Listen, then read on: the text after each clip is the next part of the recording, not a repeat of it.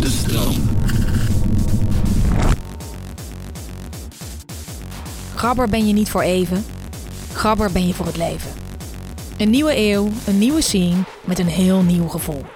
Maar wel met de waarde van toen. Je moeder of je leraar denkt misschien dat Gabber is verdwenen, maar hardcore is helemaal terug van nooit echt weg geweest. De scene is kleiner, maar de sfeer is honderd keer beter. Kale koppen en aussies zijn niet meer de standaard. Het maakt de feesten open.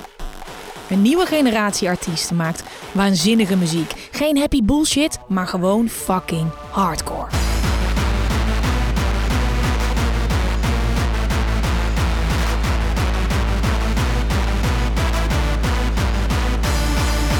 Dit is de laatste aflevering van de podcast Hardcore Never Dies. Althans, voor dit seizoen. We bespreken hoe het de hardcore verging na de grote dip eind jaren 90. En dat doen we met twee artiesten die er prominent aan hebben bijgedragen dat de hardcore in de nieuwe eeuw uit zijn eigen as herrees. Lindsay van de Eng alias Korsakov en Sebastian Hof a.k.a. Promo. Welkom. Dankjewel. Dankjewel. Ja, Sebas, ik mag Sebas zeggen. Ja, ja. Ehm, ik heb gehoord van Arne dat jij inmiddels al een bloeiende carrière hebt van bijna 30 jaar. Voel ik me weer zo oud. Ja, nee. Dat, Nou ja, dat is bijna mijn hele leven. Ja, maar dat vind ik zo interessant. Want ik ben helemaal weg van de muziek die jij maakt. En ik ben ook regelmatig bij sets van jou geweest. Maar ik besefte me nooit dat je al zo lang aan het knallen ja, bent. nee, dat is ook, eh, het is ook raar hoor. Want ik was eigenlijk altijd het jonkie in de scene. Toen ik begon had je al een Paul en een Rob en een Neophyte. Dat waren al echt grote iconen. Toen Ja. was ik 15, 16. Ja. En eh, ja, ik, ik, ik loop zeg maar tien jaar achter. Maar inmiddels ben ik natuurlijk ook ingehaald door nieuwe generaties. Dus ik ben niet meer het jonkie. Maar het voelt nog wel zo hoor. Het is nog steeds elke keer... eh, ik voel me ook nog gewoon eh 30 en eh, alsof ik er vol in zit. Terwijl ik me ook wel besef dat anderen dat misschien niet zo meer zo zien. Maar... Als je me zo aankijkt, dan zie ik dat ook gewoon in je ogen. Je, je ogen twinkelen helemaal. Ja, ja, zegt. ja, nee, goed, anders hou je het ook niet zo lang vol, denk ik. Dus Nee. dat, nee, het is wel echt passie. Ik, eh, ik zie er niet uit als een gabber of zo, maar van- zeggen ze al, ja, wat je net zegt, het is, zit van binnen. En dat, eh, dat klopt ook echt, denk ik. Wat is dat dan wat van binnen zit? Eh, ja, dat is gewoon die oerkracht. Ik hou van, van hele expressieve muziek. Kan ook andere stijlen zijn, maar het moet altijd gewoon zo hard mogelijk op een of andere manier. Het is een soort uitlaatklep. En ik heb dat ook, het draaien heb ik ook echt nodig. Ik heb het wel gemerkt na de, niet na dat te noemen pandemie, dat, dat je daarna, ja, dat, dat, dat doet wat met je. Je moet gewoon die, op dat podium, dat, die, ja, het moet eruit of zo. Ik weet niet of jij dat ook ja, hebt, maar dat is, ja, hetzelfde. Ja. het is gewoon echt, als je een paar weken niet draait, dan word je gewoon zagrijnig. En eh, ja, dat, eh, dat werkt niet. Dus dat moet, het is een uitlaatklep. Nou, zo zijn jullie dus al een tijdje bezig, Lindsay. Volgens mij is de diagnose Korsakov bij jou nog wel eh, niet heel actueel. Ehm jij bent ietsje jonger dan eh Sebas. Dus jij Ja. je, je Ja. bent ruim Ja. 20 jaar in het vak. Ja, klopt. Ehm, Volgend jaar. Ja. Deze podcast was één grote hengstbal. Je bent de eerste vrouw en dat in de laatste eh, aflevering eh, van het seizoen. Woep, woep. Hoe, eh, ja, sowieso een heel goede, goede zaak, halleluja. Maar hoe, hoe komt dat, eh, denk je? Nou, ik denk sowieso dat het nog wel een mannenwereld blijft. Ja, dat zal het altijd blijven, denk ik.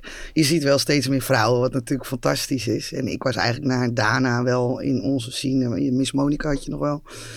De, was ik wel een van de weinige vrouwen. En aan het begin kreeg je ook wel, eh, wat komt zij doen? Ja, als ik moest draaien, dan eh, moesten we wel zelf wel bewijzen. Oh ja, even, even een, je noemt Dana natuurlijk. Even een shout-out natuurlijk naar haar. Wat, Ja. wat een role model gewoon in, die, eh, Ja. Zeker, in ja. de 90s.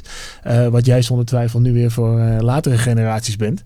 Ehm, is, het- is het helemaal veranderd ten goede? Is, is, het, is het als vrouw nu net zo'n walk in the park eh, Ja, als mannen? Ja. Kijk, dat is een mooie conclusie. Misschien, misschien Ja. nog wel beter, tenminste als ik naar het aantal volgers kijk en zo, wat de, de vrouwelijke DJ's op het moment hebben. Het is wel, eh, ja, ik snap het ook. Het is veel leuker om naar te kijken. Kijk, amazing als je een, dan, Ja. dat je een vrouw daar gaat, ziet staan en ze heeft nagellak en ze heeft een lekker pakje en ze breekt die hele tent Ja, af. precies. Dat contrast. Maar hoe moest jij je dan bewijzen, vraag ik me af. Want je komt daar dan en dan, ik weet niet of dat dan vroeger met een platentas Ja, was. was hè? met vinyl. Ja, Ja, ja, ja. daar werd ik gewoon echt aangekeken. Soms, sommigen zeiden het ook tegen mij van ja, wat kom jij doen? En dan op een gegeven moment kom je in sets dat je samen moet draaien. Dat was echt mijn moment dat ik dacht, ah, nu kan ik het laten zien, weet je wel.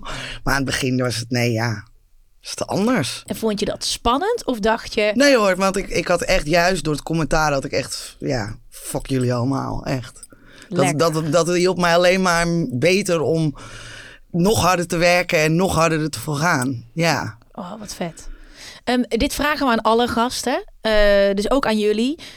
Waar begon de liefde voor hardcore en hoe is het zo de professionaliteit ingerold? Begin ik even hier.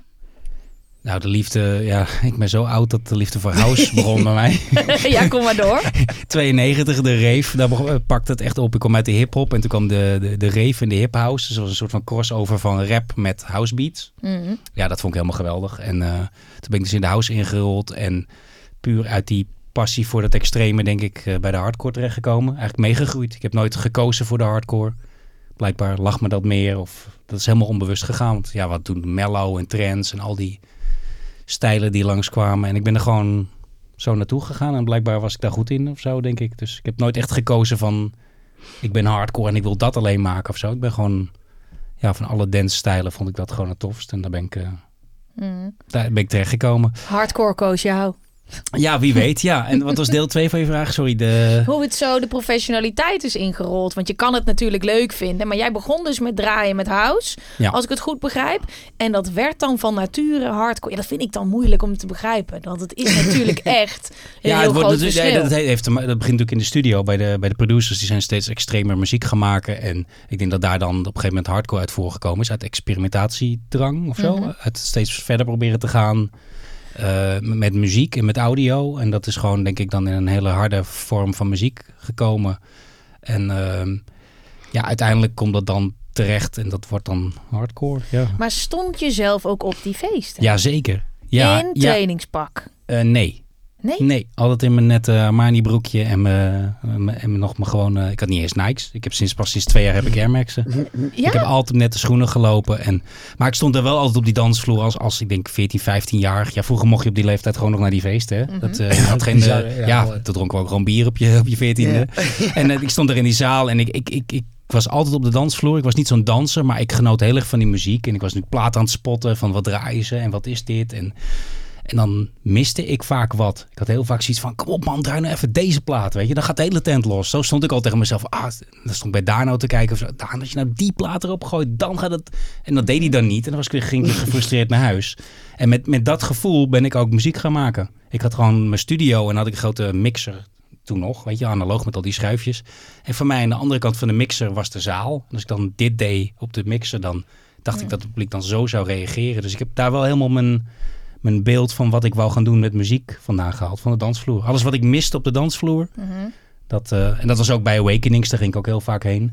Dat ik elke keer weer, dan begon het, eh, ja, Dave Clark en dan rummelde boem, de boem. En dan bouwde dat op en dan aan het einde van het uur dacht je van, ja, en nu knallen. En dan, ja, en dat was Dave Clark. En nou Joey Beltram. En dan rummelde boem, de boem, begon het weer op eh, 125, weet je. Elke keer zo, ja, zo'n soort anticlimax. Dus ja, ja, ja, oh nee. En, dan, ja, en dat was dan de hele nacht. Ja, En ik denk dat you. misschien daar dan die liefde van hardcore vandaan is gekomen. Van ga nou eens voorbij dat punt, weet je. Maak die mensen nou eens Ja. gek en geef ze eens wat harders. En, en dat is denk ik daarin geresulteerd.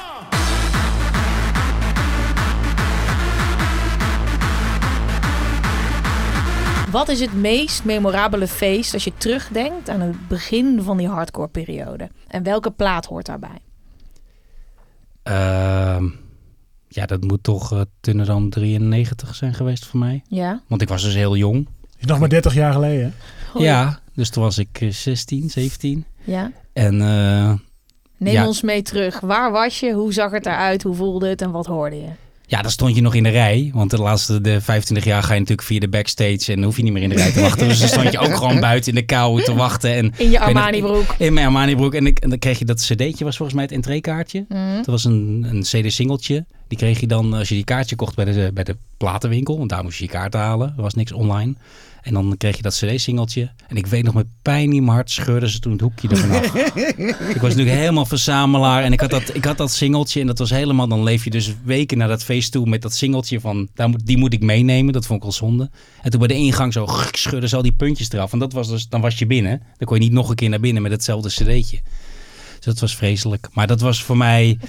Ja, dat was eh, geweldig. Het was, was hardcore, het was Thunderdome, maar ook nog heel erg multi-stijl. Want volgens mij stond daar nog een DJ Hooligan te draaien en een Joey Beltram. Dus echt grote techno-namen, die draaiden toen nog op Thunderdome. Dus het was ook... eh, Ja, dat, ja, dat is bijna, dat, is bijna ja. dat zie je ook niet meer op feesten. Maar toen het begon rustig en dat bouwde op over de hele avond. Dat, dat, dat is er niet meer. Weet je, Sensation Black was dat ook. Dat begon met een trance DJ. En dan kwam er een, een, een hardstyle DJ. Dan kwam een classics DJ. Dan een early hardcore. En dan een rammer. Dat bouwde de hele avond op. Dat was standaard op alle feesten. Zo werd, zo werd er geprogrammeerd. Het begon met een Isis en dat eindigde met een Dano. Weet je, dat was heel erg. Net Ja. als seks, je begint bij Ja, voorspel. nou precies. Ja. een climax Rustig toe. opbouwen. Ja, en hoe beter de climax is, hoe langer je, de, toch, hoe langer je het opbouwt. En dat is gewoon helemaal weg nu. Het is gewoon meteen ram als je binnenkomt. Ja. Maar goed, dat was, eh, dat was Ja, mijn, mijn tunneldoom gewoon door die metalen hekken en dan naar binnen. En dan werd je een soort van losgelaten in die wereld van muziek. Verschillende zalen. Waar ga je heen? Welke... Ja, en, en ik moest DJ's zien, bepaalde DJ's. Ik was, Zoals?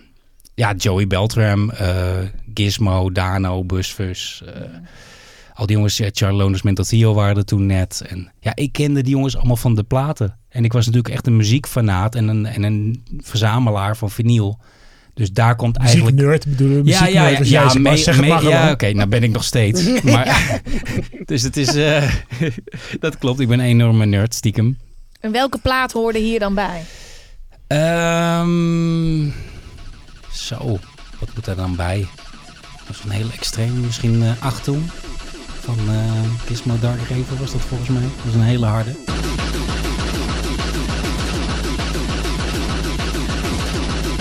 Ik was helemaal hier. Ik was erbij in de rij en ik voelde zelfs de pijn. Weet je, een hoekje van het... Maar nu Ja, is het toch ook vet? ja, Maar het is toch ja. vet dat het hoekje er nu juist vanaf is? Jawel, jawel, ja. Nee, nee, Nee, nee, nee. is niet vet. Nee. is niet Nee. fijn. Eh, Lindsay, was bij, wat was bij jou de kennismaking met hardcore? Nou, de eerste hardcore was wel in de fase dat ik, ik denk 11, 12 was. En dat Charlie en Theo en Paul op de tv kwamen. En met hun clips. En dat ik eh, met mijn broer samen hadden een, eh, een, een, zo'n heel goedkoop radiootje van mijn ouders gehad. Met z'n tweeën op een bandje record als die track kwam. En met z'n tweeën heel hard zetten. Dat was echt wel mijn kennismaking. En daarna ging mijn broer, dat was ook een beetje die nerd. Die had alle Thunderdome cd's. En dus die zette dat gewoon bovenop. En dacht, nou ja, wel tof. Maar ik mocht nog niet naar feesten toe. Dus ja, ik was gewoon te jong. En toen kwam die movement dat iedereen inderdaad een Aussie en een Cavello had. Dus toen zat ik de brugklas. Dus toen had ik ook Cavello en eh, Nike Air Max. En ik had kledinggeld. En mijn moeder zei, ja, ja, nee, dat is te duur. Ik zeg, ja, maar die moet ik nu hebben gewoon. Dus dat was meer dat, dat meeloperige... En het was eerst eigenlijk mijn echte kennismaking dat ik het echt, eh, echt leuk ging vinden. Was in de City en Shockers, die feesten. En dan had je net, dat bij Sebas net zeggen, had je ja, verschillende stijlen. En ik belandde wel altijd met mijn vriendin in een harde zaal. En dat, ja, ik had ook die kleding niet meer aan. Ik had echt topjes aan, eh, knalroze en groen. En, en we stonden altijd in die zaal en we zeiden dan ook tegen elkaar, ja, dit is echt vet hè. En eigenlijk mijn kennismaking is ja, iemand die Sebas eh, dan ook goed kent, eh Catscan. Eh, ja, die ben ik via vier leren kennen en er zat nog iemand bij, maar Niet nader te noemen. Nee, die hoeven we niet meer te noemen. en eigenlijk zo ben ik er eh, professioneel eh, ingegroeid, ja. Wanneer wist je dat je wilde draaien? Want Dat je zag natuurlijk geen vrouwen staan. Nee, daar. maar dat wist ik ook niet. Het was, ik zat gewoon op school en ik, ik was zo'n allesdoener. Dus ik dacht, nou ja, dus toen zeiden ze, ja, je kan ook wel een keer draaien. En dat was al 100% Maarten had je toen nog. En dat was zo'n zo'n groepje. En toen, hun gingen altijd op twee dagen in de week eh, draaien. Gewoon met z'n allen drinken en draaien. Ik zei, oh, kom ook wel een keer. Zo is dat begonnen. En toen werd ik 18 en toen heb ik van mijn ouders thuis draaitafels gekregen. Wauw. En toen ben ik maar gewoon gaan oefenen. Ja, ik wist aan het begin, ik, ik kreeg gewoon dat gevoel niet in mijn hoofd. Dus ik, ik werd wel boos op een gegeven moment. Maar ja, oefenen, oefenen, oefenen. En toen uiteindelijk, ja. Ja, aan het begin sta je dan op een feest en dan denk je, ja, maar zo klinkt het thuis helemaal niet. Hè? Dan heb je die monitoren en dan, het is allemaal heel anders natuurlijk. Dus aan het begin dacht ik wel echt, nou, ik weet niet eh, of, of dit het wel wordt. Maar ja, daar groei je ook weer in. Maar het was voor jou altijd zeker hard. Ja, ja. Ja, dat sowieso. Ja, dat is ook gewoon het gevoel. En ja, ik ben dan niet echt dat ik drugs gebruikte, maar wel twee keer op die feesten. En dat, ja, dat ik gewoon echt dacht van, ja, dit is fantastisch. Dat werkt. Ja, dit is Ja, die combi. Dat, moet- dat moet werken, ja. Ja. Ja, de reden dat jullie hier zitten is omdat jullie natuurlijk eh, eh, de voortrekkers zijn in eh, nieuwe tijden. Na de, na de dip eind 90s eh, eigenlijk. Ehm, even kort, hoe hebben jullie die dip ervaren? Want het is wel interessant door jullie leeftijdsverschil. Jij zat er toen al vol aan, als professional denk ik zelfs al. En jij zat er aan te komen. Ja. Eh, hoe voelde je dat toen? Eh, nou ja, even teruggaan naar eind jaren 90, volgens mij 99 of 2000 werd dat soort van doodverklaard. De hele happy hardcore, overkill, nou bla bla bla. En eh, ik was net eigenlijk in 596 begonnen met produceren, een beetje oefenen thuis. En eigenlijk tegen, net voordat hardcore doodging, had ik het idee van... hey, ik ben nu op een niveau dat ik denk van, nu kan ik, durf ik wat uit te brengen. En nu wil ik echt voor gaan. En ik had wel plaatjes uitgebracht, maar dat was allemaal een beetje crap. En ik dacht van, nou, nu heb ik echt mijn eigen ding staan. En toen klapte in één keer die scene weg en was het dood. En toen had ik zoiets van, ehm, ja, maar ik ben nu klaar om te gaan. Wat gaan we doen, jongens? Want er is, en dus dat ging van, nou, 600.000, 700.000 grabbers in Nederland, ging het in één keer terug naar 15.000 misschien. Wow. En toen had ik zoiets van, ja, Elvis is ook al 50 jaar dood. Weet je, ik bedoel, er zijn er ook nog steeds miljoenen fans. Wie weet, dan maar voor die 10.000 man ga ik door. En toen ben ik eigenlijk met mijn eigen labeltje begonnen bij D&T en zijn we een hele andere kant op gegaan met de sound. Ik dacht van, ik ga gewoon wat anders proberen. Eh, en we wisten niet wat het moest worden, maar we wisten wel wat het niet meer mocht worden. Dat was ook wel heel bevrijdend, want ja, het mocht niet meer eh, op en neer eh, taki-taki 180 bpm zijn. Maar al het andere kon. En met dat idee ben ik en een aantal andere DJ's, zoals een Cats kennen, zo wat zij al noemden, en die meer Nosferatu, allemaal de nieuwe generatie, Viper, Ophidian, toen Viper, eh, die eh, zijn toen eigenlijk zijn we de studio ingegaan als een soort van groep van jonge honden van ja, maar wij willen door, wat gaan we doen? En toen zijn we elkaar heel erg gaan uitdagen van nou, maak maar zo gek mogelijk. Dus we zijn de klassieke muziek bij gaan halen, we zijn de drum en bass bij gaan halen. Eh later kwam de dubstep dingen, de, de- alles. Ja, we zijn heel open-minded gegaan van ja, wij mogen eigenlijk bepalen hoe hardcore gaat Enorme klinken. vrijheid. voelde Ja, enorm. En een enorme broederschap tussen iedereen. En zusterschap. Maar om het even. Maar dat is gewoon. Ja, het was gewoon heel erg. Weet je, dan maakte ik een nieuwe track met Catsk in de studio. Zaten wij elkaar al helemaal op de naai in de studio. Van oh, dit is vet. En dan gaan we dit doen en dat. En dan kwam de raarste shit eruit. En dat stuurden we dan naar Endymion. En dan hoorden we gewoon letterlijk. Als ze zaten te luisteren aan de telefoon. hoorden we zo. Godverdomme, weet je. Ja, nou moeten wij ook weer de studio in. En dan kwam er een week later kwam er een track terug. Dat wij, Bart en ik, dachten van. Nou, dit, dit kan niet, die moeten we overheen. Weet je? Dus het was een hele soort van hele positieve vibe van elkaar uitdagen. En die groep werd steeds groter van jongens en meiden die, die ook hardcore gingen maken. Die, die zoiets hadden van ja, maar dit vind ik te gek. Dit is, Ik wil er zo iets. even iets meer over horen. Ik ga eerst nog even naar, naar Lindsay, want dan kunnen we de jaren 90 achter ons laten. Had jij dat door? Want jij was eigenlijk toen nog een recreatief eh Ja, klopt. gabber. Ja. Had jij door dat het in één keer helemaal veranderde? Nou ja, wel dat de feesten op een gegeven moment minder werden. En eh, ja, eh, ik draaide niet. Dus ik wist niet verder hoe dat was met boekingen. En wat die jongens dan hadden van wat Sebas nu zegt. Bij mij begon dat meer, maar dat was wel dat experimentele. Maar dat ging de hele andere kant op met Unleash the Beast. En bij ons, aan mijn kant dachten ze, nou ja, we doen er een videoclip bij en we doen dat. Maar dat paste helemaal niet eigenlijk in die tijd in de hardcore scene. Dus nou, die clip die kwam en er kwam een bak zo ellende zo over me heen omdat het, ja, hardcore mocht niet commercieel zijn. Dus het mocht ook niet op tv komen. Dus eigenlijk zaten wij toen zo van, eh, ja, maar eigenlijk... Want we merkten, ik stond eigenlijk in zoveel clubs toen... waar helemaal normaal geen hardcore werd gedraaid. Dus we hadden eigenlijk zoiets, ja, maar eigenlijk hebben we dan ook weer een opening gevonden. Dus we konden dat stukje wel snel achter ons laten. maar het was dus ook eigenlijk nog het oude trauma. Jij hebt gewoon letterlijk gehoord van, oh nee, daar gaan we weer. Er komt een clip op er Ja, tv. door, door de Paul, eh, Paul-periode. Hè? Want natuurlijk toen Paul commercieel ging, ja, toen werd Paul echt verketterd. En dat is eigenlijk ook een beetje het begin geweest van die downfall, hè? van het gabbertje ding en de happy hardcore. Ja. En dat was, ja, dat heeft heel lang nagegrondst bij ons. Ik denk wel tien jaar. Dus niemand Ja. durfde commercieel te gaan of... Ja, en toen aan Lease the Beast op, op de box was het geloof ik, de hè? box, Konden ja. mensen stemmen op de box. Welke Ja, ik was er één van hoor. Ja. Ja, dit- dat want dit was helemaal los. 2004. Ik was 14. ik mocht nog niet uitgaan. De box was er. Ik kom uit Uden. Regionaal is dat natuurlijk. Hè. Dat is ook in Amsterdam, denk ik, dat de, dat de box hele andere dingen Ja, had. klopt. Weet ja, je ja, wel. per eh, provincie was ja, het volgens mij. Ja, en eh, Uden is natuurlijk eh, Brabant, eh, oude gabbers. En denk ik dus ook dat ik dat, weet je, je had dat met je broer. Ik heb geen broers of zussen, maar ik dacht, fucking vet. En Ja, maar het die- is ook die- nog een vrouw. Op een gegeven moment waren jullie dag en nacht op de box volgens mij. Ja, nee, elke achteraf onderplaat hebben we gehoord. Ik denk niet dat ik er ooit een cent heb eh, van gevangen. Maar, Nee, maar was- achteraf hebben we gehoord dat het de meest aangevraagde clip op de Ja. box is alle tijden.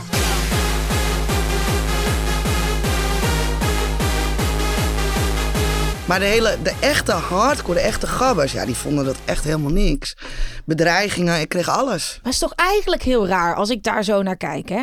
Dan ben je gabber. dan baal je dat die tijd voorbij is. Want die, die dikke feesten waar je naartoe ging, die zijn er in één keer niet meer. Oh ja, ik snap het. Die, die dikke feesten zijn er niet meer, omdat het te commercieel is geworden. Dus ah, ik snap het. Nou, ik echte- moest het even hardop ja. uitspreken voordat het ging begrijpen. Dus zij denken, we willen die feesten terug. En dan moet je niet commercieel doorgaan. Dat. Ja, ik snap ja, het. En dan dat was het minder naar een dood toe van dat, Ja. dat sloopt het weer. Ja. En daarom Maar ze we, hadden op dat moment niet door dat net wat jij net zegt, daar waren er natuurlijk echt heel veel van. Dus eh, Ja. uiteindelijk kwam er ook weer een stroming bij, doordat het weer op tv kwam. ja. Wat ik gewoon zo vet vind, is dat het is gewoon het gelijk. Het is gewoon power to the people. Het is gewoon het gelijk van, van het publiek. Hè? Ik bedoel, de, we hadden het voordat we hiermee begonnen, even een kort ge- gesprekje. Eh, en toen hadden we het ook over dat inderdaad de hardcore toch nooit is doorgedrongen eh, tot het normale mediasysteem. Dus natuurlijk zijn er geen pluggers of natuurlijk zijn er geen radio-dj's die dat even om eh, half tien 's ochtends gaan draaien. En dat was gewoon, je voelde gewoon aan alles. Nee, maar dit, dit willen wij. En het publiek heeft natuurlijk altijd gelijk. Ja, dat was, dat was. Ik kan me nog herinneren in het begin dat ik begon, eind jaren 90, dat ik een beetje populairder begon te worden. En dat ik mijn eerste plaatjes en dat ik mijn eerste hitje. En toen in één keer werd ik gewoon, wat deed ik mijn eigen boekingen nog. Dan belde een of ander zaaleigenaar uit Hengelo, weet ik wat, eh, weet je. Eh, Dorpscafé De Brandpunt. Ja, eh, Sjaak, ik eh, wil je boeken. En dan, eh, ik zeg, oké, en waarom? En ja, ik weet niet wie je bent, maar iedereen vraagt die naar jou. Weet je, nou, dat ging op weken naar elkaar. Ging dat zo allemaal, Ja. me- allemaal tenten die me begonnen te bellen van, ja, ik weet niet, maar ik moet jou boeken, hoor ik. Maar dat kwam het- dus Waar gewoon... zitten we nu in de tijd? Nou, dat was bij mij eh, rond de jaar 2000 zoiets, denk ik. 99, 2000. Dus dat toen ik een beetje begon op te komen, toen... eh, Ja, vertel eens even. Want dan zitten we dus na de dip. Schets eens even die, laten we zeggen, de wederopstanding. Was het... ehm, eh, wat was er nog over? Wat was er weg? Waar vielen gaten? Waar, waar doken jullie in? Wie waren de hoofdrolspelers? Vertel het mij. Nou, we zijn eh, sowieso is het tempo naar beneden gegaan. Hè? Dus we gingen helemaal terug naar de 150 bpm. Eh, mijn insteek was van laten we het ook teruggaan naar de origine van het geluid. Dus ik ben echt teruggegaan naar 91, naar We Have Arrived, Marco Cadipane, eerste dingen van Paul. Dus die hele industriële, rauwe rand. Ik denk dat moet terugkomen. Eh, maar wel gecombineerd met sfeer. Met, eh, weet je, want ik vind wel dat er ge- eh, gevoel er zo in moet zitten. Noem eens een plaat. Eh Op yours. nou, nou, zegt zij, dankjewel. ja, ja, nee, goed, het kan, het kan, kan van. Ook de Massagist vond ik ook een hele goede. Dat, Ja. eh, dat was ook zo, dat zo'n Dof was daar een van de eerste die met zo'n sound kwam. Dat ik dacht van ja, dit is gewoon de goede mix.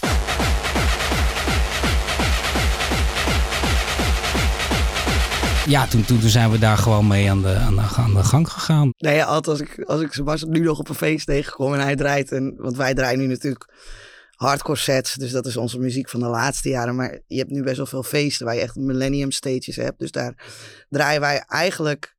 Daar staan we met de club met Ja. wie we twintig jaar geleden stonden, zeg maar. En ja, dat is gewoon natuurlijk fantastisch dat we weer met elkaar zijn. En net wat jij al zegt, je steekt je handen omhoog. Ja. Ja. dat is natuurlijk echt de groep van vroeger. Dus er staan best wel wat ouderen allemaal. En als ik Sebas tegenkom op feesten, zeg ik, vergeet je op Jors niet te draaien. Weet je wel. Altijd. Ja, het is wel leuk. Dat we, we zijn allemaal fan van elkaar. Dat is wel echt, eh, dat merk ik wel heel erg. Vind ik heel leuk. We hebben allemaal platen van elkaar die gewoon zo belangrijk zijn geweest als motivatie voor onszelf om weer muziek te gaan maken of te gaan draaien. Daar heb ik ook inderdaad eh, door de jaren heen heel veel over gehoord. Dat in die, in die eh, eerste jaren van de, van de nieuwe eeuw. Dat het zeg maar echt weer helemaal tot, tot elkaar kwam. Dat in die, de, Ja, wat ik net zeg, dat, dat broederschap, dat begon bij de producers, maar dat kwam vervolgens ook bij de DJ's. En we deden dat echt samen. En we deden dat onder de radar, om dan op je vraag terug te komen, van dat het mocht niet commercieel worden. Dus het zat echt, het zat een soort van in de underground. Lastig, En, hè? en we gingen dus terug naar een soort van langzamere, donkere sound, want het mocht niet commercieel. Dus ik kan me nog Tunnedome 2001 herinneren in de HMH. Dat was een hele progressieve line-up. Heel donker, heel industrieel.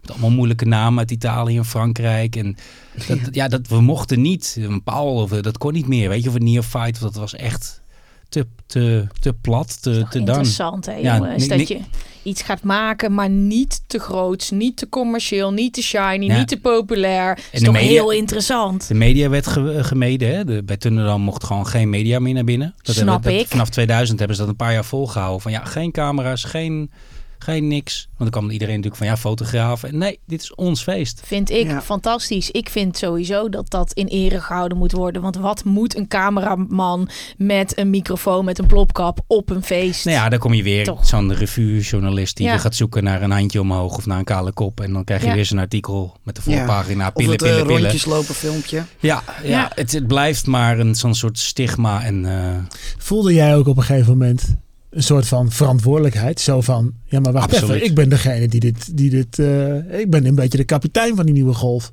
Nou ja, ik had vrij snel door dat als je dingen zei. Er waren natuurlijk wel interviews en ook van wat serieuzere media. Eh, ik had al vrij snel door dat als je iets zei wat niet zo gangbaar was, dat je dan veel meer aandacht kreeg. Dus ik had ook wel op een gegeven moment door van ik moet een boodschap hebben. Ik moet dit ook goed kunnen verwoorden. En, en, en niks ten nadele van, van, van een paal bijvoorbeeld, weet je. Maar als die in een interview kwam van ja, oh, leuk feest, eh, ja, leuk melodietje. En ik van nee, vertel nou eens wat dit echt is, weet je. Wat is nou die movement en hoeveel energie we erin steken en hoe we dat inderdaad bewaken met z'n allen. En, en waar het nou om gaat met die muziek. En dat is het jammer wat elke keer weer in die media terugkomt. Dat het, ja, ze zien trainingspakken en pillen. Maar ja, eh, Waar gaat het Ja. dan Geef om? zelf eens het antwoord dan. Waar, Ja. waar gaat het om en wat, wat is het, het gaat om, om, om het jezelf zijn, het, het broederschap nog steeds op dat feest. Dat gewoon, als ik soms wildvreemde mensen meeneem naar een feest, inclusief mijn moeder vorig jaar voor het eerst eh, op de 78ste, die, die voelt dat meteen. Die komt een defcon binnen, die zegt, wat gebeurt hier? Wat is dit? Mensen van all over the world en iedereen is elkaars vriend. En dat is niet gemaakt of zo. Het is gewoon, je weet gewoon... Ja, ik denk hetzelfde als je naar een Harry Styles concert gaat. Je weet dat iedereen in die zaal houdt van Harry Styles. En in één keer ga je allemaal zijn liedjes zingen. En ga je allemaal en dan krijg je een sfeer. Omdat je weet dat je allemaal gelijk bent. Je hebt allemaal dezelfde interesse, dezelfde passie. En dat is bij, ja, bij hardcore is dat gewoon heel extreem. Dat zal ook bij hardstyle zijn en bij techno en house.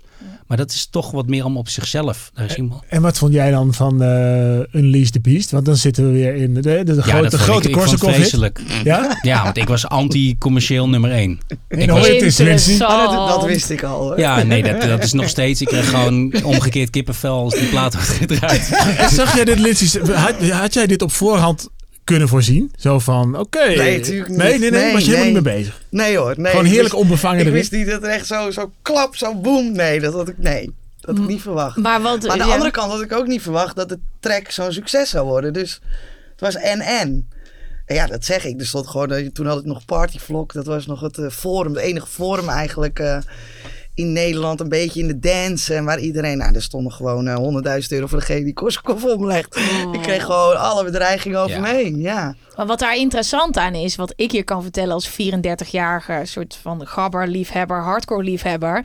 Ik was 14 en ik vond gabber mega interessant. Jij was voor mij het instapmodel hiermee, waardoor ik naar jou ben gaan luisteren en verliefd ben geworden kijk. op iets van een hele. Snap je? Dus het is wel, ik denk dat een hele generatie dit nodig had op de box om de muziek te leren begrijpen. Weet je wel, of je nou wilde of Ja, niet. Ja, dat, dat gebeurt ja. continu. Hè? Ja. Je hebt nu die hele rave techno hype. Ik neem aan dat jullie dat ook van op de. Hard Ja, techno. Ja, ja, hard techno. Het- ja, Gewoon ja. hardcore. Ik zeg, het zijn van die Libresse commercials met een kikker doorheen. Zo voelt het altijd een beetje. Het is een herkenningsdingetje. Ik ken het ergens van. En dan weer... eh, maar goed, als je dan gewoon nu kids spreekt. Weet je, ik heb een van mijn beste vrienden heeft een dochter van 17, 18. En die gaat naar die feesten. En dan... eh, ja, en die komt... Ja, Sebas, jij snapt dat echt niet hoor. Wat daar gebeurt. Het is echt... Ja, dat is helemaal in zo'n hal. En dan zijn we al met z'n allen. En dan is zo'n rave. En dan... Ja, nee, tuurlijk, weet je. Maar het is prachtig om te zien dat die mensen weer... Ja, en ik sta nu wel klaar weer met de hardcore. Daar hou ik ook rekening mee met mijn label en met nieuwe artiesten. Ik weet gewoon dat, ja, jullie gaan dat een keer zat zijn. Dat hele simpele, repetitieve Ja. rave, hard techno. Want het is, het is geen hard verder. techno. Het is een soort van langzame, happy hardcore. Maar dat is heel goed, weet je. Het brengt heel veel mensen in contact met harde muziek. Ja, ik weet dat er straks rijen en rijen mensen zijn die doorstromen naar de hardstyle, naar de hardcore. Allemaal weer nieuwe Ja. aanwas. Want op een gegeven moment ben je het zat, dat simpele. En dan ga je, Ja. tenminste een deel gaat verdieping zoeken. En dan kom Ja. je bij ons terecht. Ja. Nou, ik heb dus het idee dat het in de 90s dus andersom was. Dus, dus mensen dus eh, instapten bij bijvoorbeeld Dana of Chesto. Of nou, dus de- Chesto is dan eigenlijk meer begin Zero's. Eh, en die, dat- die daarna dus doorstroomden naar de techno. Ja, Maar maar jij zei, als, we, als nu verdieping hè? moeten hebben, als we nu naar de verdieping moeten, gaan we dus naar de hardcore, zeg jij. Nou ja, ik wel vanuit, die, wel vanuit die rave. Oh ja. Want die rave is kneppelhard. Het is gewoon oude, het klinkt als mij als oude hardcore. Met Ja. die bonsai platen Nou, en ik zo. had Gewoon zelfs dat- laatst post ik een filmpje op Instagram. Het kreeg inderdaad wat jeugd. eh, hé, hey, draai je tegenwoordig ook techno? Maar het was gewoon een, een, een hardcore track van 2003 was Ja. dat. Dus Ja. ja, dan Ja, zie ik je hoor dat het gewoon een- gerecyclede elementen van, van Ja. nou niet eens wat wij hebben gedaan, maar mensen voor mij, een Paul en Neophyte en Ja, ja, de mid-jaren en negentig die eh, sound. Dominator, Dominator, die hoor je Ja, ja, ja. overal voorbij komen. Ja. Ik kan me daar heel erg over opwinden. Oh, maar die samples dat, maar dat, ja, maar, ja. ja. want ik, Ja, maar als je daarover opwint, dan ben je zelf oud. Snap je? En ik ben nog maar 34, moet je nagaan. Maar het is zo dom, want het is gewoon... ehm, en dat vind ik dus zo leuk aan de podcast die we nu aan het maken zijn. En ook wat de film teweeg heeft gebracht. Iedereen mag het alles noemen, maar kijk eens wat vet, weet je, waar we het nu over hebben, wat er allemaal onder hangt. Weet je, want ik weet zeker dat er mensen naar deze podcast luisteren en denken, potverdomme, dit heb ik gehoord in de gashouder van Cynthia Spierings. Ik dacht dat het hard techno was. What the fuck? Dus het is heel leuk, het is heel tof, maar ik denk dat het uiteindelijk een super groot web is. En het gabber zijn, ja, dat, dat zit in je, weet je of ze het nou wel of niet weten. ze staan ik- daar allemaal op verknipt in de arena later dit jaar. Uitverkocht. Ja, bizar. Insane. Maar dat zijn wel de mensen met de gabberspirit. Ja. Ja. Ze weten het misschien alleen ja, dat zijn Nee. wel de nieuwe, de nieuwe Hollandse... Beukers. Ja, de beukers, Ja, de rebellen, de, Ja. de rammers.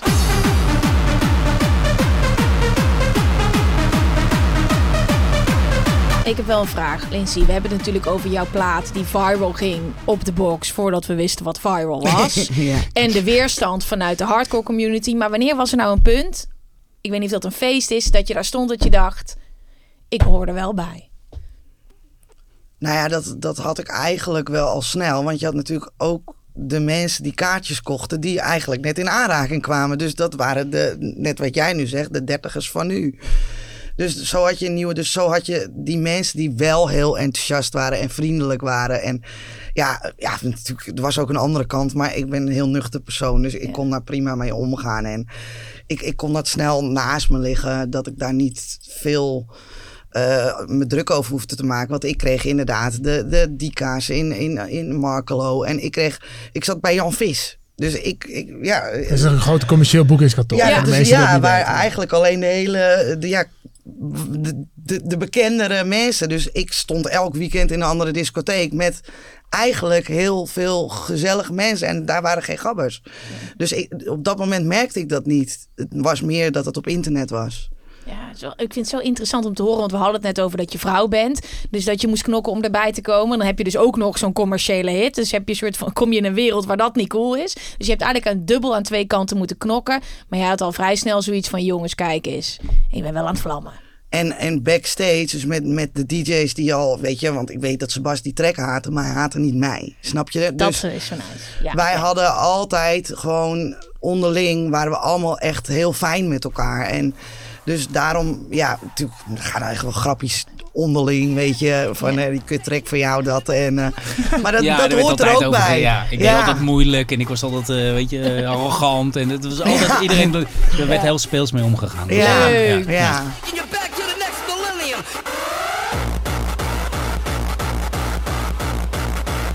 We hebben het over die, eh, die wederopstanding.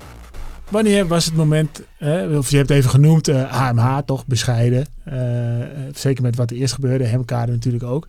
Wanneer was het moment dat je dacht, hey, wij zijn weer full force op stoom. We zijn he- helemaal terug. Nou, ik denk dat als ik, als ik voor mezelf spreek, de millennium dat 2003, 4 zo'n beetje echt de piek was. Als ik kijk naar de platen, weet je, ik, denk dan even aan wat draai ik nog steeds elk weekend. En die komen allemaal uit die periode. Het begon een beetje zo rond 2000 en op 3, 4 was echt, ik dacht van, wow, dit, eh, dit is wel weer echt wat. Ik denk dat de wederopstanding van de feesten net een jaar, twee jaar daarna kwam. Ja, toen zo. begon ook Dominator, dat was toen nog. En ja. die Masters of Defcon kreeg steeds toen. meer hardcore stages, want dat is daarvoor natuurlijk allemaal hardstyle, maar eigenlijk alleen de black. En op een gegeven moment werd dat ook uitgebreid. Wat was er wezenlijk anders, eh, eh, bijvoorbeeld in je publiek, als je het vergelijkt met de 90s? Nou, de kledingdracht.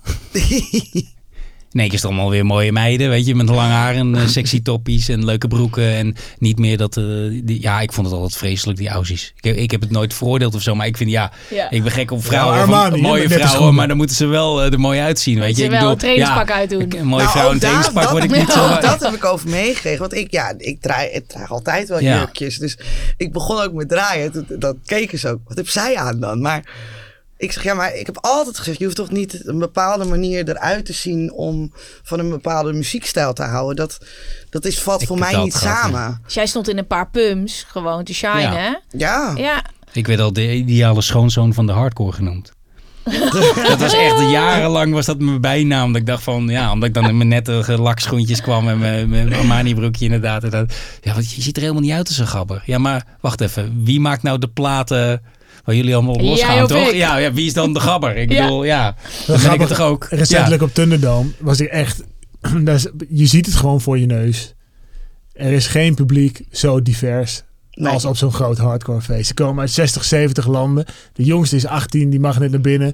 En de oudste die is eh, 67. Ja. Eh, om wat voor reden dan ook. Het is echt ongekend. En je hebt inderdaad mensen die zich helemaal eh, uitdossen. Je hebt mensen die nog voor één keer eh, hun oude gabber Ja. outfit aantrekken. Maar je hebt ook mensen die gewoon hele pakken, ander soort pakken aantrekken. ja, dat is gewoon... eh weet het het zou mooi nieuwe zijn als we daar een beetje op trainingspak. kunnen focussen. Het nieuwe trainingspak is shirt uit. Shirt uit. Ja, want dat had je vroeger toch niet? Ja, maar dat deed je toch op al die andere feesten? Ik bedoel, Dance Valley was alleen maar cowboyhoeden en eh, shirt uit. Ja, en- maar kijk, ik was daar niet bij. Nee, ik weet alleen Nou, dat, dat- er dat gewoon dus nu al- even- oh, iedereen zijn shirt uittrekt. En dat ik met plakkende borstkas Ja. in mijn gezicht sta. Ja. Tot je plezier of niet tot plezier? Nou, soms vind, kan ik het dus wel hebben. Maar ik ben niet zo heel groot. En als het er te veel zijn en ze plakken allemaal... Ja, nee, dan wordt het ligt er aan in wat voor staat ik zelf ben. Ja, moet je ons voorstellen als wij even een fotootje maken naar onze set. Dat is, eh, nou, gaan we het even over daarna hebben. De gouden tips zijn meteen als Riebenaar het koe komt, meteen jouw arm op hun schouder leggen. En dat begreep ik eerst niet. Maar ja, dan, dan Oh. zit jouw, hun oksel onder die van jou. In plaats van dat zij... Ik denk, het briljante tip was dat. Dus Oh meteen, meteen zelf, dus ja, meteen, dan zit jij boven.